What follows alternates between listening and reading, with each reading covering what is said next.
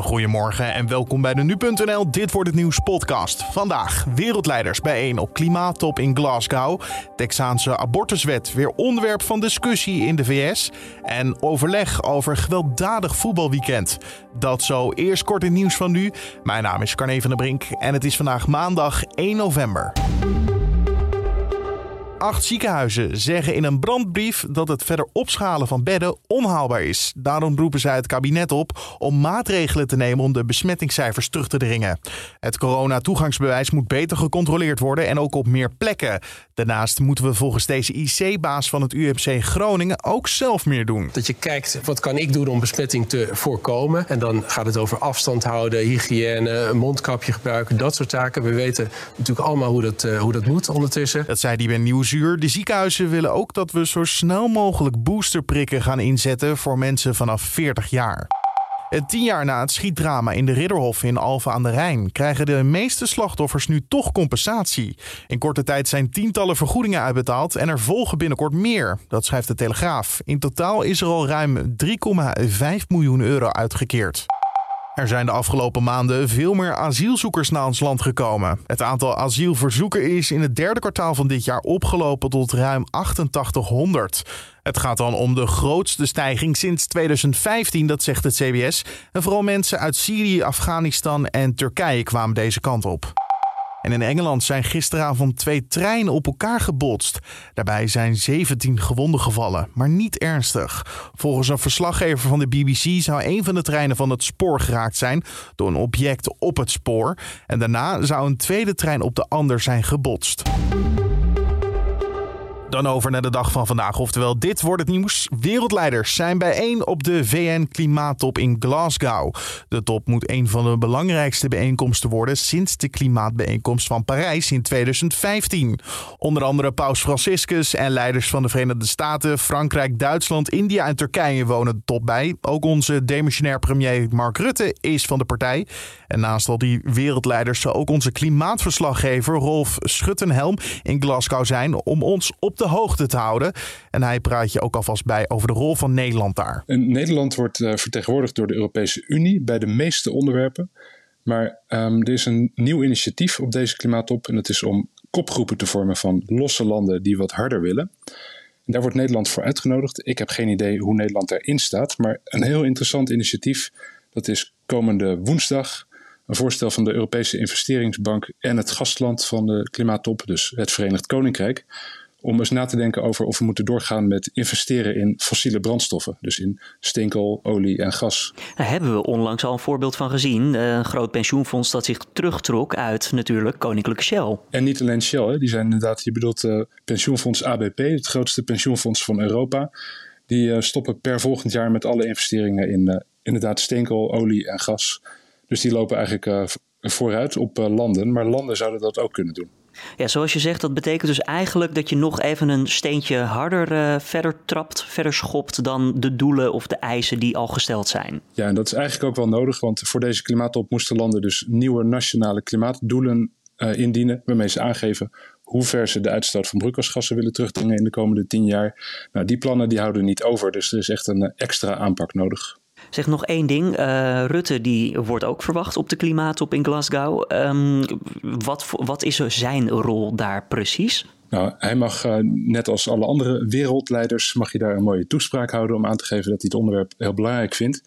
Maar de uh, grootste rol is eigenlijk weggelegd voor ministers. Die komen in de tweede week. En die moeten echt nog akkoord gaan met allerlei punten die dan leiden tot een uh, slotverklaring. Maar dat is pas voor uh, 12 november. Dus die wereldleiders die geven eigenlijk aan met een speech of ze dit een belangrijk onderwerp vinden of niet. En daarna beginnen de echte onderhandelingen pas. Ja, en die wereldleiders, uh, twee grote afwezigen, China en Rusland. Hè? Dus begrijp ik jou dan goed, die vinden het niet belangrijk? Ja, dat is, in het geval van China is dat uh, jammer. Want uh, China is toch wel een constructieve en belangrijke partner en en de grootste uitstoter van CO2. Die zijn aan het worstelen, zoals wij allemaal, met de energiecrisis op dit moment. En die durven blijkbaar niet nu. Um, in het geval van Rusland is dat echt uh, geen enkel probleem, want uh, de Russen zijn over het algemeen bezig om de klimaatonderhandelingen zoveel mogelijk te remmen. Dus of ze daar nou een hoge vertegenwoordiger voor sturen of een lage ambtenaar, dat maakt niet zo heel veel uit. De top duurt tot en met 12 november en klimaatverslaggever Rol Suttenhelm in gesprek met collega Julian Dom hoorde je daar. En het Amerikaanse ministerie van Justitie probeert het Amerikaanse Hoge Rechtshof vandaag te overtuigen om de Texaanse anti-abortuswet te blokkeren. Een eerdere poging om de wet tegen te gaan werd toch geblokkeerd door het Hof. Toch wil de Amerikaanse regering het nogmaals proberen. Eerst even die wet. Wat maakt hem nou zo anders? Je hoort Amerika-deskundige Diederik Brink. Deze wet heeft twee zaken die het uh, uh, buitengewoon complex maken. Eén, het beperkt het recht op abortus um, veel verder dan het huidige grondwettige uh, bepaling. Die regelt dat vrouwen daar recht op hebben. Dus is een verdere inperking van het recht. Ook in gevallen van incest of verkrachting. En ten tweede stelt het individuen in staat om mensen die de procedure uitvoeren of die daarbij hulp hebben verleend, om die aan te klagen. En dat maakt dat eigenlijk uh, Amerikaanse burgers die tegen het recht op abortus zijn, eigenlijk iedere arts in Texas uh, die een procedure uitvoert die vooralsnog gewoon grondwettig is, dat ze die aan kunnen klagen. En als ze uh, gelijk krijgen van de rechter dat er iets is gebeurd wat niet volgens de regels is, dan krijgen ze minimaal 10.000 euro. Nou, hoop Heisa over. Er is een eerdere poging gedaan om die wet te blokkeren door de Biden-administratie. Dat werd tegengehouden door het Hoge Rechtshof. Nu, vandaag proberen ze het opnieuw. Wat uh, denkt de Biden-regering te kunnen doen om deze keer wel gelijk te kunnen krijgen? Nou, ze vragen aan het Hoge Rechtshof om een uh, inhoudelijke behandeling. De vorige keer heeft het Hoge Rechtshof eigenlijk gezegd: we gaan deze wet en de invoering daarvan geen strobreed in de weg leggen. En nu, hebben ze en nu vraagt de Biden-regering, die zegt van nee, wacht even, nog voordat dit allemaal straks uh, uh, in de praktijk komt en er daadwerkelijk mensen aangeklaagd worden, willen wij al aangeven dat wij denken dat dit een ongrondwettelijke wet is. En daarom vragen ze nu om het Hoge Rechtshof om erin te stappen. Ik zit ook even te denken, dit speelt zich allemaal af in Texas. Um, maar is volgens mij is het verre van het enige probleem in die staat. Er gebeurde nog wel wat meer de laatste, de laatste maanden.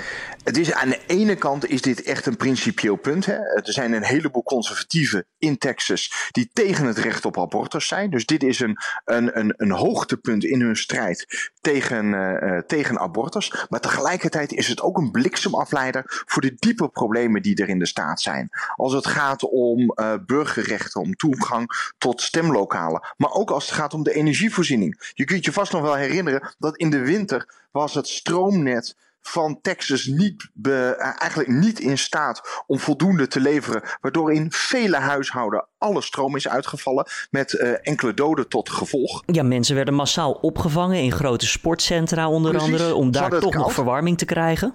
Juist, en in de zomer heeft het probleem zich weer voorgedaan met de airco's die aanstonden in deze bloedhete staat. Dus het, het, het bijzondere is dus dat de staat een aantal diepe problemen heeft als het gaat om het toezicht op de energieleveranties. Om te zorgen dat je inderdaad kunt garanderen dat mensen ook in de winter of ook in de hitte uh, altijd voldoende stroom hebben. Ja, dat, dat zijn uh, zaken die uh, de fouten of de huidige incompetentie in het openbaar bestuur blootleggen. Wat is het dan handiger om te zorgen dat je een issue uh, naar voren brengt dat niet gaat over de problemen, maar dat ervoor zorgt dat de achterban in ieder geval weer uh, enthousiast reageert. Een soort bliksemafleider dus. Amerika-deskundige Diederik Brink was dat in gesprek met collega Julien Dom.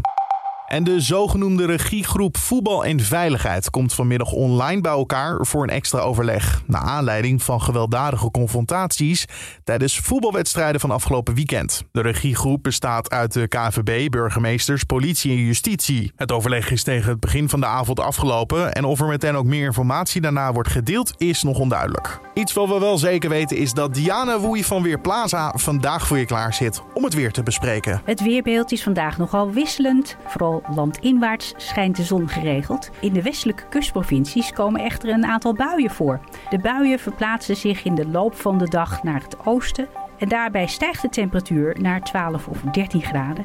Maar door een stevige wind vanuit het zuidwesten is het frisser dan afgelopen weekend. Vanavond trekken de buien naar het oosten weg en blijft het op de meeste plaatsen droog. Dankjewel Diana Woei van Weerplaza. En tot zover deze Dit Wordt Het Nieuws podcast voor de maandag. Dankjewel voor het luisteren. Zoals altijd kan je hem natuurlijk beter maken door recensie achter te laten bij Apple Podcast. En ook uh, sterren achter te laten 1 tot en met 5. Wat vind je van deze podcast? En als je dat doet, help je ook anderen weer die niet bekend zijn met de podcast. Dan is hij makkelijker te vinden. Dus je helpt ons enorm mee. Mijn naam is Carne van der Brink. Voor nu een prachtige dag en tot de volgende.